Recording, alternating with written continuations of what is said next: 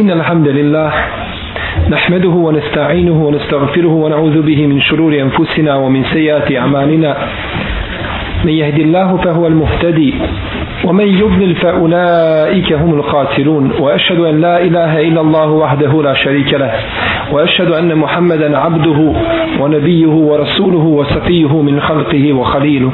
أدى الأمانة وبلغ الرسالة ونصح الأمة وكشف الله تعالى به الغمة وجاهد في الله حق جهاده حتى أتاه اليقين. يا أيها الذين آمنوا اتقوا الله حق تقاته ولا تموتن إلا وأنتم مسلمون. يا أيها الناس اتقوا ربكم الذي خلقكم من نفس واحدة وخلق منها زوجها وبث منهما رجالا كثيرا ونساء واتقوا الله الذي تساءلون به والأرحام إن الله كان عليكم رقيبا. يا أيها الذين آمنوا اتقوا الله وقولوا قولا سديدا. يصلح لكم أعمالكم ويغفر لكم ذنوبكم. ومن يطع الله ورسوله فقد فاز فوزا عظيما. أما بعد فإن أحسن الكلام كلام الله وخير الهدي هدي محمد صلى الله عليه وسلم وشر الأمور محدثاتها وكل محدثة بدعة وكل بدعة ضلالة وكل ضلالة في النار. Govorili smo, draga moja braća, o sunnetu poslanika sallallahu alaihi wasallame i konstatovali i potvrdili da je on put spasa, da je to lađa Nuha alaihi salam ko se ukrca u nju da se spasio na dunjaluku i na ahiretu ako je propusti i ko se ne ukrca u tu lađu spasa da je propao i na ovome i na budućem i na budućem svijetu sunnet poslanika sallallahu alaihi wasallam zato što je to najpotpuniji šerijat koga je uzvišeni Allah Đelešanu objavio čovječanstvu. I zato što je poslanik alaihi salatu wasalam najbolji čovjek koji je ikada kročio zemaljskom kuglom. Nikada na zemlji se nije pojavilo bolje biće i draže Allahu te barake o teala od njegovog poslanika sallallahu alaihi wa alihi wasallam čak ni bliski meleki ni najbolji meleki nisu na stepenu našeg poslanika sallallahu alaihi wa alihi wa sallam. Poučio je uzvišeni Allah te barake wa ta'ala draga moja braćo sve živo da ga voli živu i neživu prirodu. Sve je voljelo Allahovog poslanika alaihi salatu wa i sve mu se pokoravalo osim ljudi i džina osim mnogih ljudi i mnogih džina. Bileži imam Ibn Hibban u svome sahihu, imam Darimi u svome musnedu, i Ebu Jala, i Hakim i drugi, da je poslanik sallallahu alaihi wasallam rekao jednom pustinjaku primi islam, izgovori šehadet, pa je kazao taj pustinjak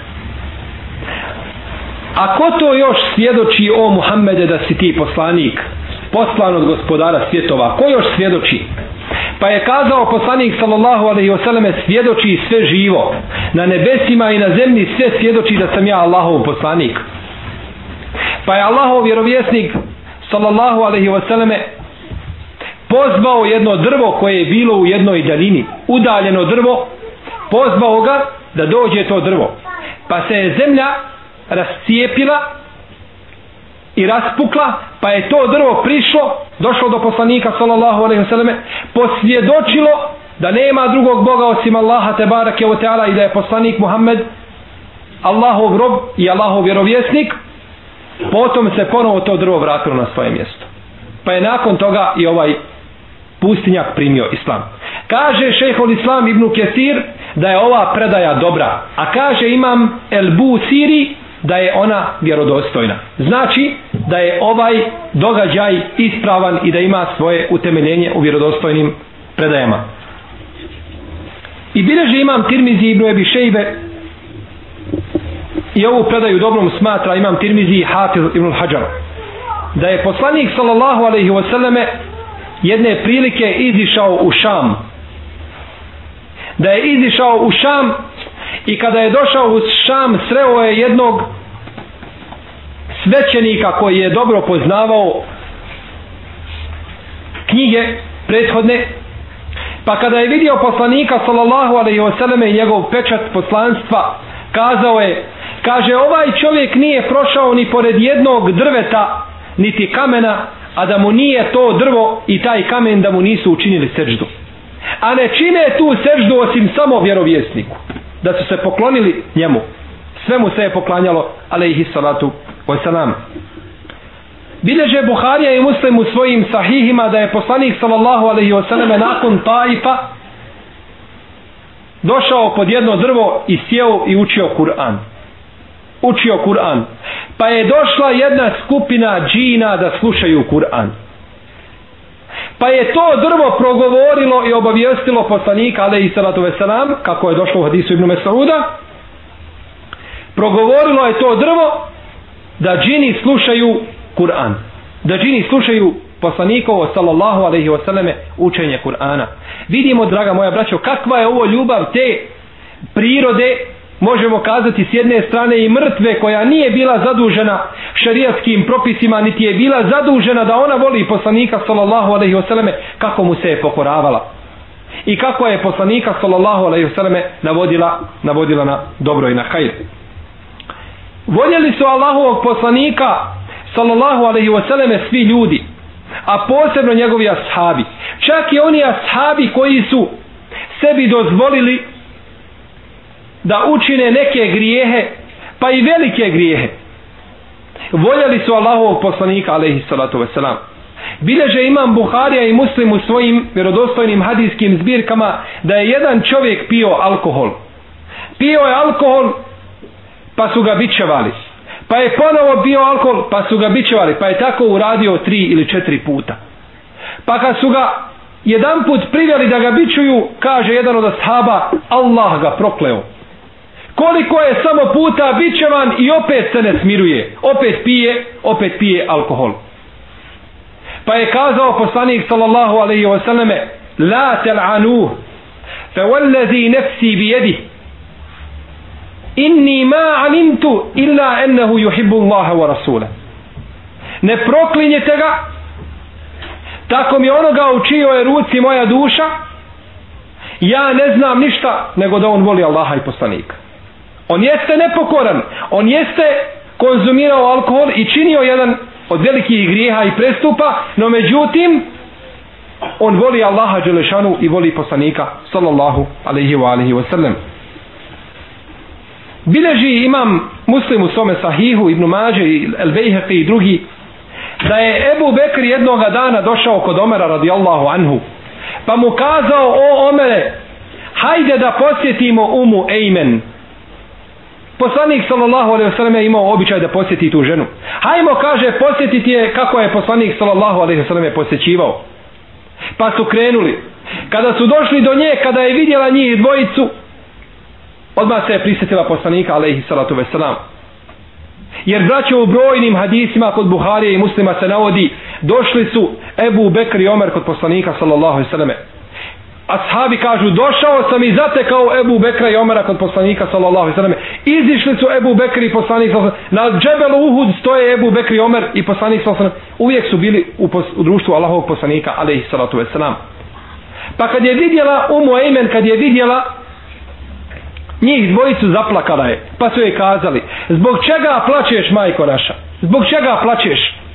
Poslaniku sallallahu alaihi wasallam je uistinu ljepše ono što je kod njegovog gospodara zbog čega žališ pa je kazala tako mi Allaha ne žalim ja niti sumnjam da je poslaniku sallallahu alaihi wasallam bolje kod njegovog gospodara nego plačem zato što je prekinuta veza između nebesa i zemlje. Prekinuta je objava i nikada više objava neće do sudnjega dana sići sa nebesa.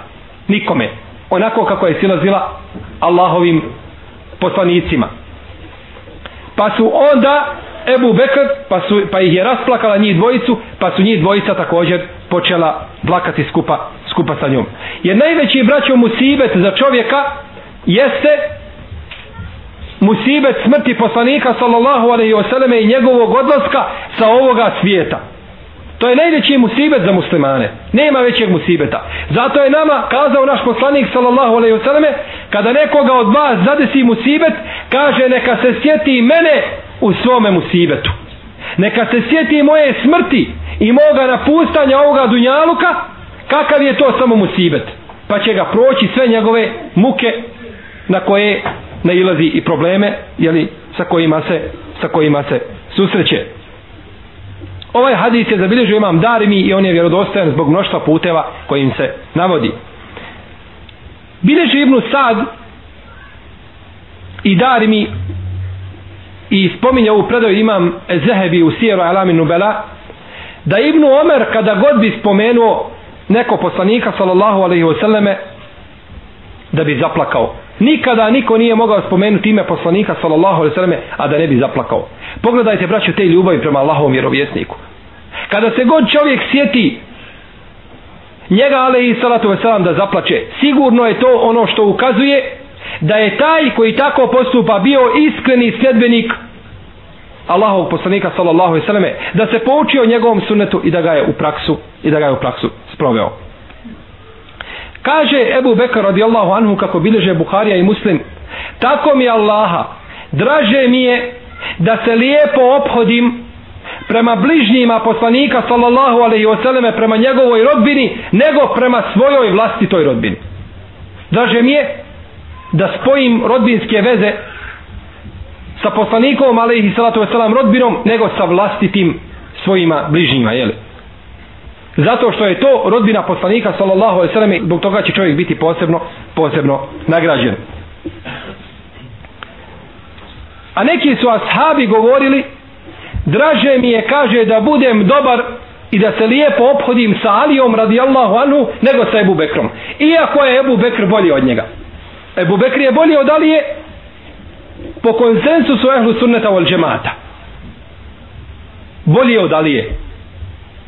No međutim ovi ashabi kažu draže nam je da sa Alijom ostanemo u bliskim vezama nego, sa, nego sa Ebu Bekrom. Zato što je Alija od bližnjih poslanika sallallahu alaihi sallam spada u njegovu porodicu.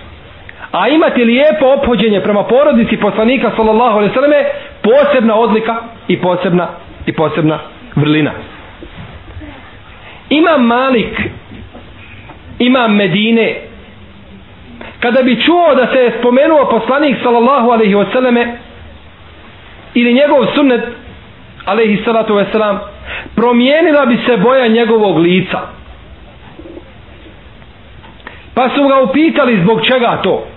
Neki su osudili ovaj njegov postupak. Zbog čega se tako ponašaš? Kaže, tako mi Allaha kaže da ste vi vidjeli ono što sam ja vidio i vi biste tako postupali. I vi biste tako postupali. Kaže, ja sam vidio Ejuba Esehtijanija Ejub Esehtijani, to je jedan veliki islamski učenjak i muhaddis. Kaže, vidio sam ga kad mu se spomene poslanik sallallahu alaihi wasallam ili hadis, toliko bi plakao da smo se mi sažaljavali nad njim toliko bi plakao. Znači ima Malik je vidio prethodnike svoje, vidio je tabine koji se tako ophode i kako oni postupaju kada se spomene poslanik alaihi salatu wasalam. I kaže vidio sam Džafera ibn Muhammeda je sadika on se volio kaže puno šaliti i volio se puno osmjehivati. No međutim kad bi mu se spomenuo poslanik sallallahu alaihi wasallame kaže njegovo lice bi požutjelo. I nisam ga kaže nikada vidio da govori o poslaniku sallallahu alejhi ve selleme a da nije bio pod abdestom. Uvijek kada bi govorio hadise poslanika alejhi salatu ve selam je li čitao te hadise nekome bio bi obavezno pod abdestom. I kaže vidio sam Abdurrahmana ibn Qasima to je jedan od potomaka Ebu Bekra radijallahu anhu. Kaže vidio sam ga kad mu se spomene poslanik sallallahu alejhi ve selleme kaže u njegovom lice bi izgledalo kao da ima izljev krvi, a njegov jezik bi se osušio. Lice bi pocrvenilo kao da ima izljev krvi, a njegov jezik bi se osušio. I kaže dalje ima Malik i vidio sam Amira ibn Abdillaha ibn Zubeira, to je znači unuk Zubeira ibn Lawama, kada mu se spomene poslanik sallallahu alaihi wasallame, toliko bi kaže plakao da više u njegovim očima ne bi ostalo ni jedne suze znači isplakao bi sve svoje suze što ima dok se ne bi njegove oči osušile e kaže ima Malik zbog toga ja ovako postupam jer sam vidio moj selet i moje prethodnike kako su se obhodili prema sunnetu poslanika sallallahu alaihi wa alihi wasallam. draga moja braćo Zato ljubav prema Allahovom poslaniku mora biti veća od svega. Pogledajmo mi po našim dunjalučkim kriterijima kako mi vrijednujemo i kako dokazujemo da neko voli nekoga. Kako dokaže čovjek svojoj majici da je voli. Kako dokaže svojoj ženi da je voli. Kako dokaže svome bratu muslimanu da ga voli. Jedan od vladara kraljeva u Egiptu je pozvao jednog pjesnika za koga se govorilo da ga puno hvali. Da ga puno hvali i da u tom smislu da je spjevao brojne stihove o svojoj ljubavi prema tom kralju. Taj kralj ga je pozvao jedne prilike sebi i kazao mu je li tačno da ti zagovaraš da mene voliš? Je li tačno da me voliš više od svega drugog? Kaže, jeste, tačno je. Jesi li ti kaže istinit u svojoj tvrdnji ili ti samo to zagovaraš i želiš nekakvo dunjalučko ili materijalno bogatstvo i korist? Kaže, nije, ja sam iskren u svojoj tvrdnji. Pa mu je kazao, u redu. Ja ću ti dati dva izbora, dvije stvari imaš. Prva stvar je da napustiš ovu zemlju. Da odeš. A druga stvar je da te ja ubijem. Izaberi jedno od to dvoje. Ako me voliš, onda izaberi jedno od ovo dvoje. Pa je kazao, ne, otići ću iz zemlje. Otići ću. Kada je izišao od tog kralja, naredio je taj kralj svome slugi da ga ubije. Kaže, ubij ga. Kaže, zbog čega da ga ubijem? Čovjek ništa nije učinio. Kaže, ubij ga, on je lažov. On laže.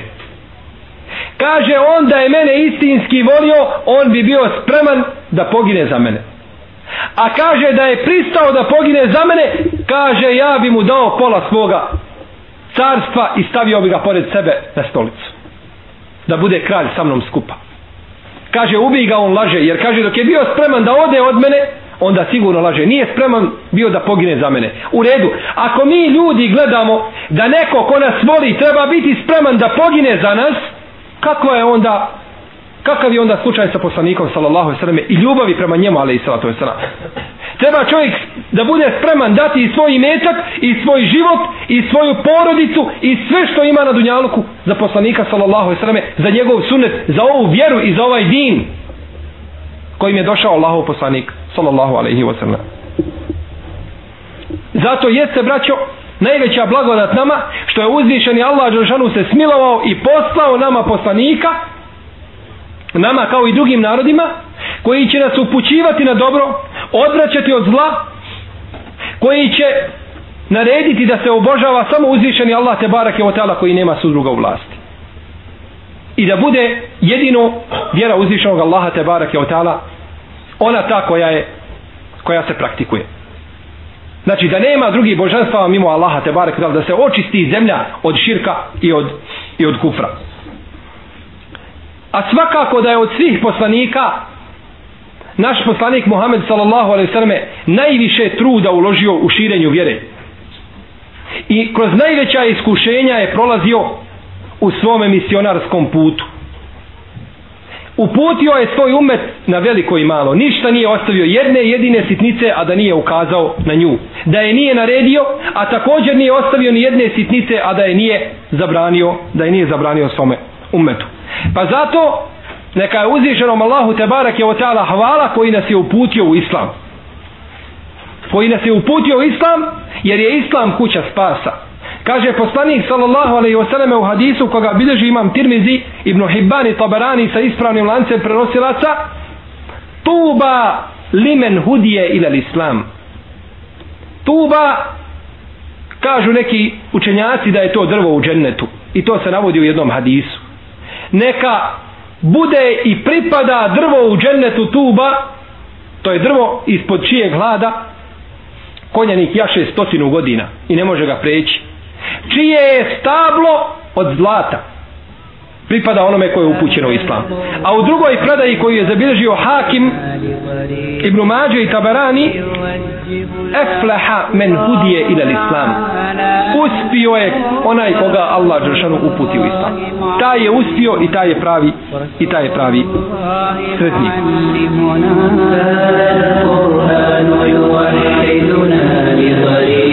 Uspio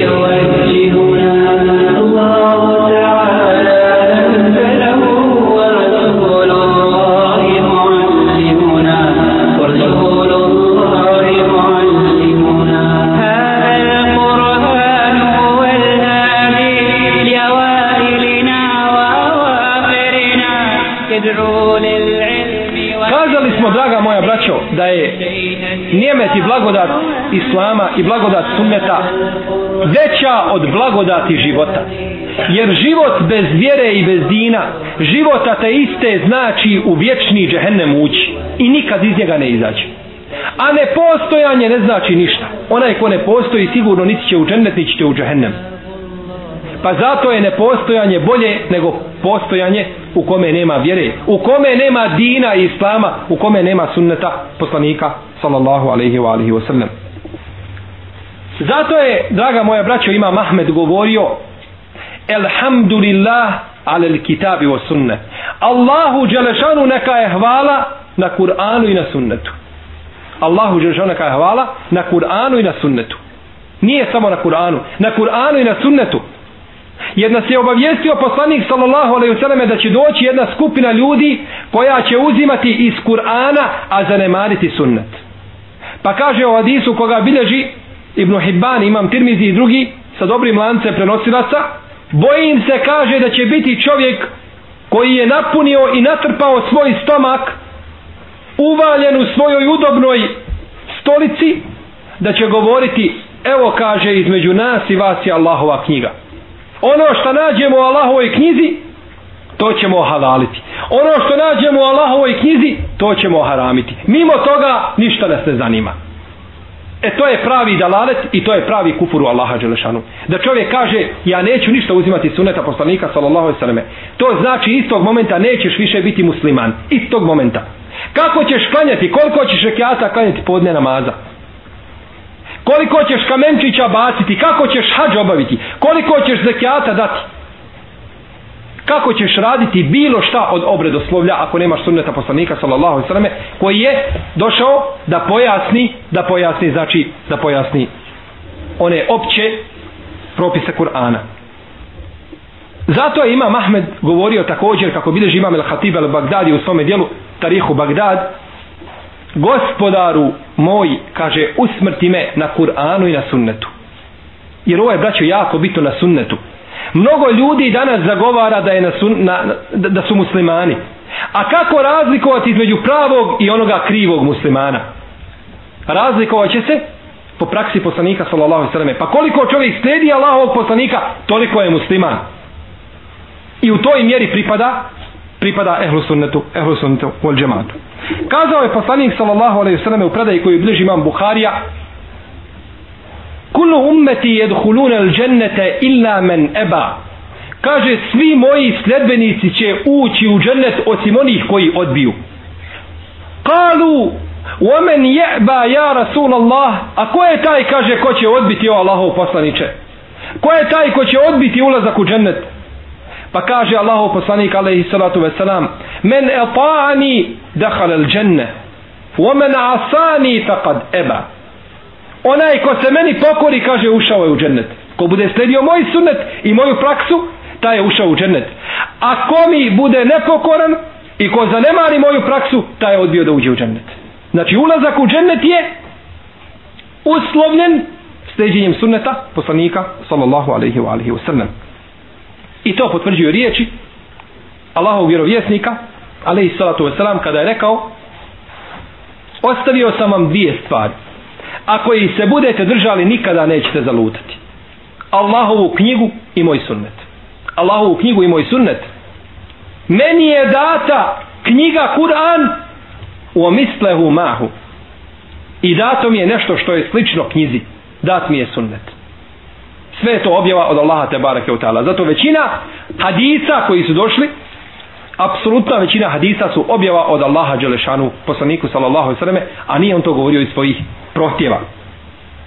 Govorio je Ebu La'alije, kaže, nije mi uzvišeni Allah Đelešanu dao većeg nijemeta od toga što me učinio muslimanom među svim drugim nevjerničkim milletima i narodima.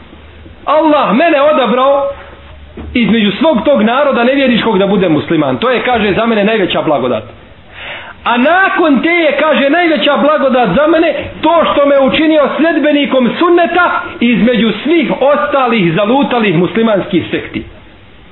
Pogledajte, braćo, kako Ebul Alije, jedan poznati tabin, kako smatra da je Allah Đeršanu upotpunio prema njemu blagodati sa dvije strane. S jedne strane što ga je učinio muslimanom i odabrao ga među drugim nevjedničkim narodima.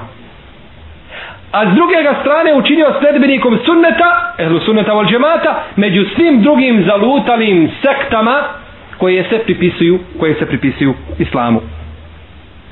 A Ibnu Omer, kako bilježi Ibnu Sad u etabakatul kubra sa ispravnim lancem prenosilaca je govorio E sunnetu fil islam e azzu min al islami fi sajri ledjani il kafire. Sunnetu islamu zauzima veće mjesto nego što zauzima islam među drugim nevjerničkim narodima i nevjerničkim nevjerama kako hoćete sunnetu u islamu pripada takvo mjesto koje je veće nego što islamu pripada među drugim, među drugim nevjerama.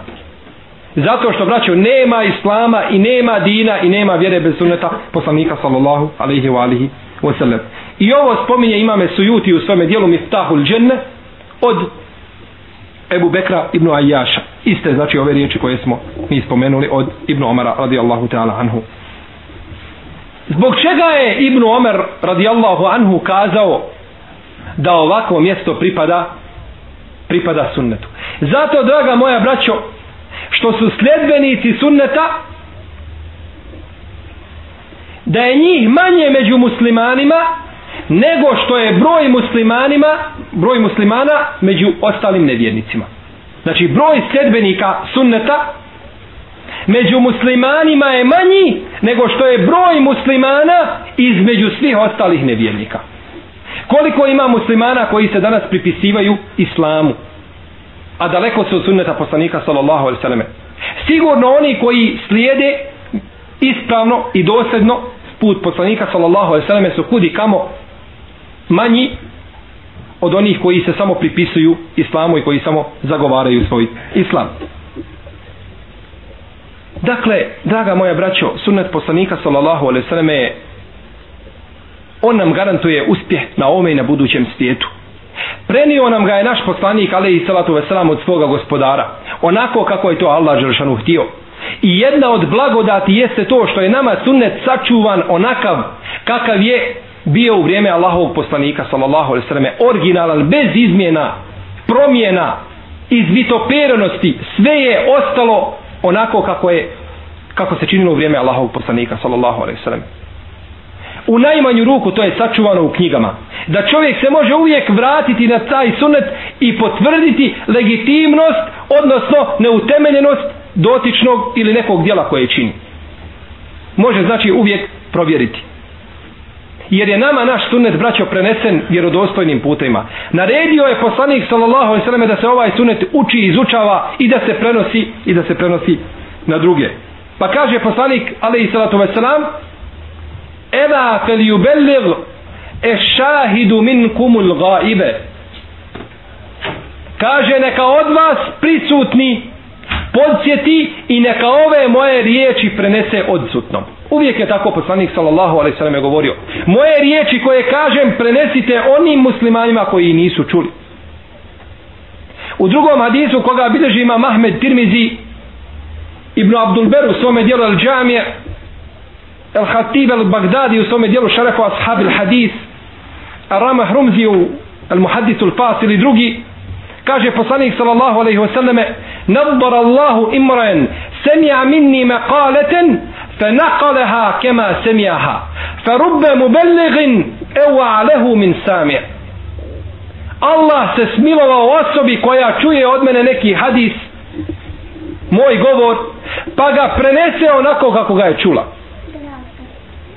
zato neki islamski učenjaci kažu da je čovjeku obaveza da prenosi hadis kao Kur'an ne da on nešto od sebe govori u hadisu niti ga da ga prenosi u značenju nego da ga prenosi onako kako ga je čuo po ome hadisu. Kako ga je čuo. Možda kaže onaj kome se prenosi hadis da će ga bolje razumjeti nego onaj koji ga je prenio. I uistinu je tako. Mi imamo ravije kroz stoljeća ravije hadisa kroz stoljeća koji su prenosili hadise. Znali su pamtiti. O fikhu hadisa nisu znali ništa. Znao je stotinu hiljada hadisa, o fikhu je možda malo znao. Allah se smilovao osobi koja čuje od mene neki hadis, moj govor, pa ga prenese onako kako ga je čula. Zato neki islamski učenjaci kažu da je čovjeku obaveza da prenosi hadis kao Kur'an. Ne da on nešto od sebe govori u hadisu, niti ga da ga prenosi u značenju, nego da ga prenosi onako kako ga je čuo. Po ome hadisu. Kako ga je čuo. Možda kaže onaj kome se prenosi hadis da će ga bolje razumjeti nego onaj koji ga je prenio. I u istinu je tako. Mi imamo ravije kroz stoljeća, ravije hadisa kroz stoljeća koji su prenosili hadise. Znali su pamtiti. O fikhu hadisa nisu znali ništa. Znao je stotinu hiljada hadisa, o fikhu je možda malo znao. صاحب الهم إن الهم منفرد أبشر بخير فإن البارد الله يا صاحب الهم إن الهم منفرد أبشر بخير فإن البارد الله إذا بليت فثق بالله وارض به إن الذي يكشف البلوى هو الله إذا بليت فثق بالله وارض به إن الذي يكشف البلوى هو الله Ali su zato došli islamski učenjaci nakon njih koji su živjeli u kasnijim stoljećima pa uzeli te hadise koji su se prenijeli, koji su prenešeni na način i onako originalno kako je kazao poslanik sallallahu alejhi ve selleme pa su ih oni razumjeli. Razumjeli su ono što nisu razumjeli oni koji su ih prenosili. I to samo ukazuje na potvrdu ovoga hadisa. Da čovjek možda koji čuje hadis da će ga bolje razumjeti nego oni, onaj koji ga je čuo i koji ga je prenio. Najjači hadis u islamu koji je mutevatir ili jedan od mutevatir hadisa jesu riječi poslanika sallallahu alaihi wasallame belligu anni walau aje وحدثوا عن بني إسرائيل ولا حرج ومن كذب علي متعمدا فليتبوى مقعده من النار prenesite kaže od mene makar jedan ajet prenesite od mene makar jedan ajet i pričajte i prenosite od židova od venu Israila nema smetnje u tome. To jeste ono što je potvrđeno sa našim šarijatom a bilo u njihovom šarijatu prenosite to ne smeta. Ako na mene namjerno slaže neka sebi pripremi mjesto u vatri. Belli guani vole u aje, prenesite od mene pa makar jedan ajet, makar jedan dokaz, jedan hadis, koliko znaš prenesi. E to je naredba poslanika sallallahu alaihi vseleme da ljudima da prenose i da druge poučavaju njegovom sunnetu. Koliko danas ima muslimana koji vole sunnet i koji praktikuju sunnet, ali ne rade po ome hadisu. Drže ga za sebe, nisu znači postupili po naredbi Allahovog vjerovjesnika sallallahu alejhi ve alihi wa sellem dakle možemo iz prethodno spomenutog zaključiti da je poslanik sallallahu alejhi ve selleme nama ukazao na sve što nam treba na našem dunjaluku i ahiretu. Ništa nam mimo toga ne treba. A to potvrđuje i predaja koju bilježi imam Ibn Ebi Šejbe i El-Bejheqi u Šobal imanu da je poslanik sallallahu alejhi ve sellem rekao ma terektu šejen yukarribukum min al dženneti wa yub'idukum 'anil nari illa kad bejentuhu lakum. Nisam ostavio ni jednu jedinu stvar koja vas približava džennetu a udaljava vas od vatre da vam je nisam objasnio i da vam je nisam naredio. Ni jednu jedinu stvar. Sve znači što nas približava ka džennetu tu je. Što znači braćo da je vjera upotpunjena. Sve što te približava Allahovoj milosti i Allahovom džennetu sve je tu. Znači padaju u vodu riječi onoga ko kaže da u vjeri imaju šta? Lijepe novotarije.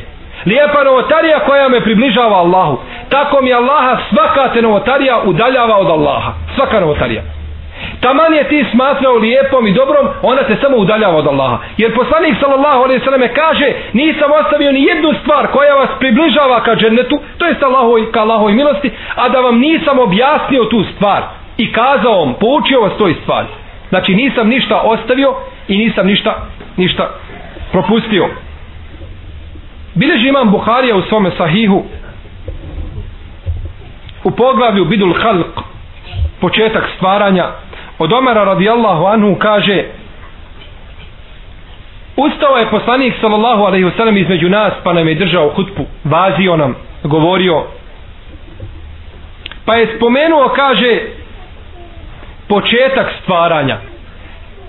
Početak stvaranja i pričao je kaže sve dok stanovnici dženneta nisu ušli u džennet a stanovnici vatre nisu ušli u vatru. Zapamtio je ko je zapamtio a zaboravio je ko je zaboravio. Pogledajte braćo brižnosti poslanika sallallahu alaihi sallam prema nama. Pričao je o stvaranju ljudi. Kako je počelo stvaranje? Od Adema alaihi sallam i završio je na kraju sa ulaskom dženetlija u džennet i sa ulaskom džehennemlija u džehennem. Sve nam je kaže spomenuo zapamtio je ko je zapamtio a zaboravio ko je zaboravio. To je ono što poslanik sallallahu alejhi ve selleme kaže u titu džavami il kelim. Dat mi je jezgrovit govor. Ima li taj čovjek koji može od sabaha ili za jedan određeni vremenski period kako se navodi u drugim hadisima od sabaha do akšava da može ispričati sve što će se desiti na Dunjaluku i što se desilo od prvih do posljednjih. To je nemoguće. To samo može poslanik alaihi salatu veselam kome je dat je zgrovit govor koji je nadahnut od Allaha te barake wa ta'ala da sa malo riječi i sa jako kratkim izrazima može kazati ono što je bilo i ono što će i ono što će biti. U jednoj predaji koju bilježi imam Ahmed od Ebu Zera radijallahu anhu kaže poslanik sallallahu sallam se je poučio svim stvarima. Nije kaže čak ni ostavio pticu koja maše svojim krilima u nebeskim prostranstvima a da nas nije poučio o toj ptici i nije nam znanje dao o toj ptici. Kako leti? No međutim ako ovoga hadisa imaju izvjesne ovaj, imaju e, izvjesni prigovori i imaju izvjesna razdilaženja oko njegove vjerodostojnosti u dva sahiha kod Buharije i kod muslima od Huzeyfe radijallahu anhu stoji da je rekao ustao je poslanik sallallahu alaihi wasallame između nas pa nam je govorio i obavještavao nas o onome što će biti. Onome što će kaže biti sve do sudnjega dana. Od početka stvaranja ljudi pa do sudnjega dana. A u drugoj predaji koju bliži ima muslim kaže ustao je poslanik sallallahu alaihi sallam jednoga jutra nakon sabah namaza pa se popeo na mimber pa se popeo na mimber pa nam je govorio do podne pa je sišao i klanjao podne namaz. Potom se ponovo popeo na mimber pa nam vazio i govorio do ikindije. Pa je sišao i klanjao ikindiju potom se ponovo popeo na mimber i tako je sve uradio do izakšama. Pa je kazao poslanik sallallahu alejhi ve selleme rekao nam je sve kaže što će biti do sudnjega dana. Nije ostavio kaže ni jednu stvar a da nas nije obavijestio o toj stvari. Pogledajte braćo ovdje ovdje dvije stvari možemo vidjeti. Pogledajte samo kako su ashabi bili brižni da uče i da slušaju poslanika sallallahu alejhi ve selleme ko je taj ko može pratiti izlaganje i predavanje od sabaha do akšama. Mi ponekad govorimo pola sahata ili sahat pa vidimo uspavana lica, uznemirena, dekoncentrisana lica i tako dalje. Nisu spremni da prate ni jedan dio od onoga što su pratili ashabi. Svi su to slušali. A braćo da su se oni ponašali onako kako se mi ponašamo danas, znajte da mi ne bismo imali ovo što imamo kod nas. Ne do dragi Allah da smo mi ti koji trebamo prenositi vjeru. I da mi treba da se borimo za vjeru i da opstanak vjere ovisi o nama i o muslimanima poput nas. Nikada narod ne bi vidio hajda i svjetla. Jer sigurno ono što su uložili ashabi, to ne mogu uložiti generacije nakon njih. Jer nisu spremne, nisu spremne da ulože i svoj razum, i svoje tijelo, i svoj imetak, i svoj porod i sve što imaju na Allahom Đeršanu putu za očuvanje njegove, za očuvanje njegove vjere. I druga stvar koju vidimo u ovome hadisu jeste brižnost poslanika sallallahu alaihi selleme prema nama, da nas pouči. Njegova brižnost. I u tom smislu kaže Allah te barake taala: "Laqad ja'akum rasulun min anfusikum azizun alayhi ma anittum harisun alaykum bil mu'minina raufur rahim." Došao mi je poslanik jedan od vas od vaše kože vašim jezikom govori i vi njegov porodi njegovo porijeklo znate. Njemu teško pada ono što će vas nalaziti problemi i iskušenja u koja ćete vi ulaziti i upadati njemu teško padaju. Harisun alejkum on je brižan prema vama. Bil mu'minina raufur rahim. A prema vjernicima on je milostiv. Prema vjernicima on je milostiv. Znači Allah te barake o teala potvrđuje nama brižnost poslanika sallallahu alaihi wasallame prema ummetu i brižnost njegovu sallallahu alaihi wasallame da nam dostavi vjeru da nas pouči da nas upozori na ono što će nam štetiti a da nam ukaže i da nam naredi ono što će nam ono što će nam koristiti. Zato kaže Aisha radijallahu ta'ala anha u predaji koju bilježe Buharija i Muslim ko bude smatrao ili ko kaže da je poslanik sallallahu alaihi wasallame sakrio ili da nije prenio nešto od vjere neka zna kaže da je takav znajte kaže da je takav iznio potvoru na Allaha te barake u ta'ala. Ko pomisli ili bude tvrdio da je poslanik sallallahu alaihi selleme nešto sakrio takav je iznio potvoru na uzvišenog Allaha azza wa sve je prenio sve čime je zadužen. I nije Allah te barak je o teala uzeo dušu poslaniku sallallahu alaihi vseleme dok ga nije dok mu nije objavio znači i upotpunio svu vjeru el jeume ekmeltu lekum dinekum. Danas sam vam vašu vjeru upotpunio. Danas u vrijeme poslanika sallallahu alaihi selleme, kada je došla objava bila je vjera upotpunjena. I nakon toga niko više ne može niti dodavati niti oduzimati od vjere jer je ona potpuna a ono što je potpuno ne treba nikakvih dodataka niti treba nešto oduzimati nema znači nema ništa što je viška u njemu Kažemo, braćo, da je poslanik sallallahu alaihi selleme bio brižan prema svim ljudima. Prema svojim najbližim i svojim daljnim. Sve je upozoravao i sve je pozivao na pravi put. Pa kaže u jednom hadisu svome Amidži Abbasu O Amidža moj, pazi se dobro šta si pripremio Allahu te barake o ta'ala. Pazi šta si pripremio Allahu Đelešanuhu. Jer kaže ja ti kod Allaha ne mogu ništa koristiti.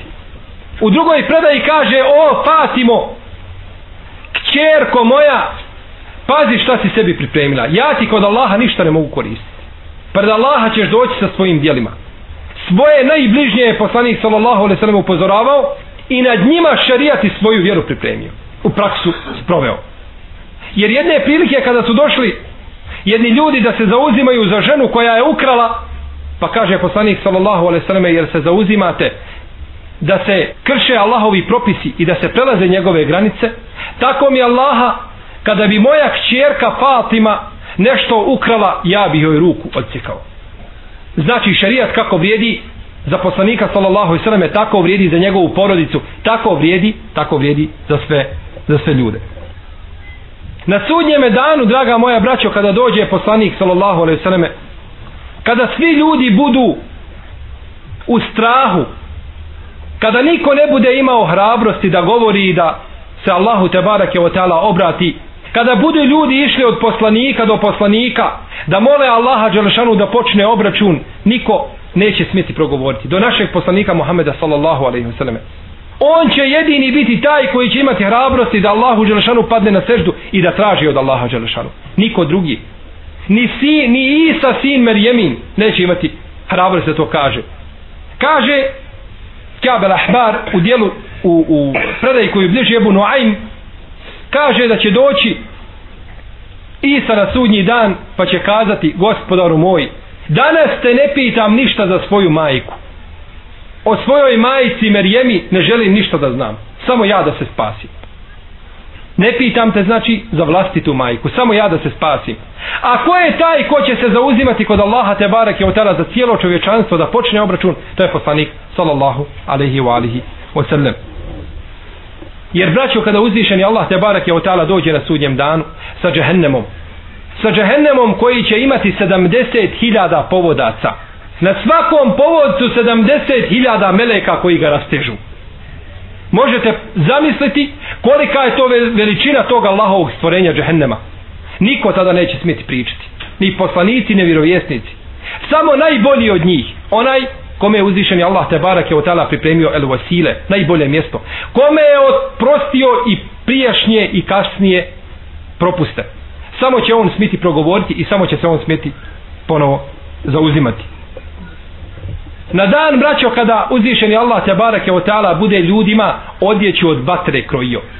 Kaže Ibrahim Etejmi, kako bileži Ibn Ređep u svome dijelu, etahvifu minan nar, Subhanalladhi qata min nari thiyaban fa asbalaha ala ahliha.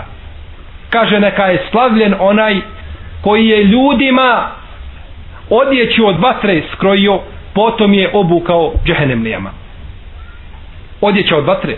Kaže uzvišeni Allah tebarake wa ta'ala sarabiluhum min qatiranin wa tagša vujuhehum un nar. Njihove, kaže, košulje bit će od vatre, skrojene, po mjeri. A njihova lica će vatra obavijati.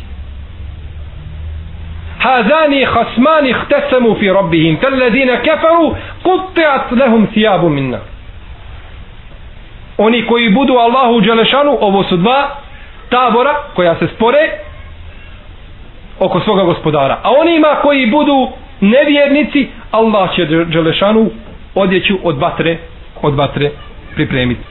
Spominje Ibnu Kesir u svome tefsiru od Ikrime radijallahu anhu da će čovjek doći na sudnji dan